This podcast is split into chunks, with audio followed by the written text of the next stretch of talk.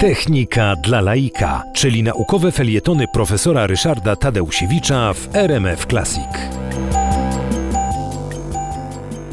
Na to, żeby model, który jest pewnym opisem matematycznym abstrakcyjnego jakiegoś systemu, stał się konkretnym modelem na przykład tego właśnie narządu, tego właśnie pacjenta, tej właśnie choroby, tej właśnie metody leczenia, trzeba ten model jak gdyby powiązać z rzeczywistością.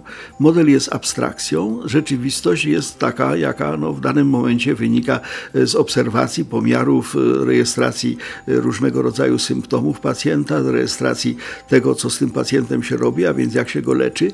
I wobec tego do tego celu służą techniki, które najwcześniej zostały rozwinięte i no, udoskonalone na gruncie automatyki, dlatego że przy automatyzacji jakichś różnego rodzaju systemów i technicznych narzędzi trzeba było tą maszynę, którą się automatyzowało, trzeba było właśnie konkretnie opisać, a więc trzeba ją było, jak to się mówiło, zidentyfikować.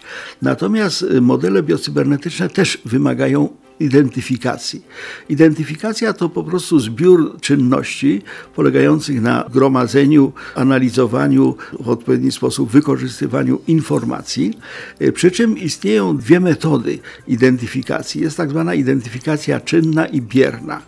Identyfikacja czynna polega na tym, że na obiekcie, tym, który próbujemy zidentyfikować, wykonuje się jakieś eksperymenty po to, żeby wartości tych niezbędnych parametrów wyznaczyć, ustalić, zmierzyć. Natomiast w odniesieniu do modeli biocybernetycznych ta identyfikacja czynna jest utrudniona, no bo to oznaczałoby czasami konieczność sięgnięcia do eksperymentów, w których biorą udział ludzie, a właściwie eksperymentów wykonywanych na ludzi, a to jest zabronione. I wobec tego rozwinięto na użytek biocybernetyki technikę identyfikacji, taką samą jak w automatyce, taką samą jak w informatyce, ale tak zwanej identyfikacji biernej.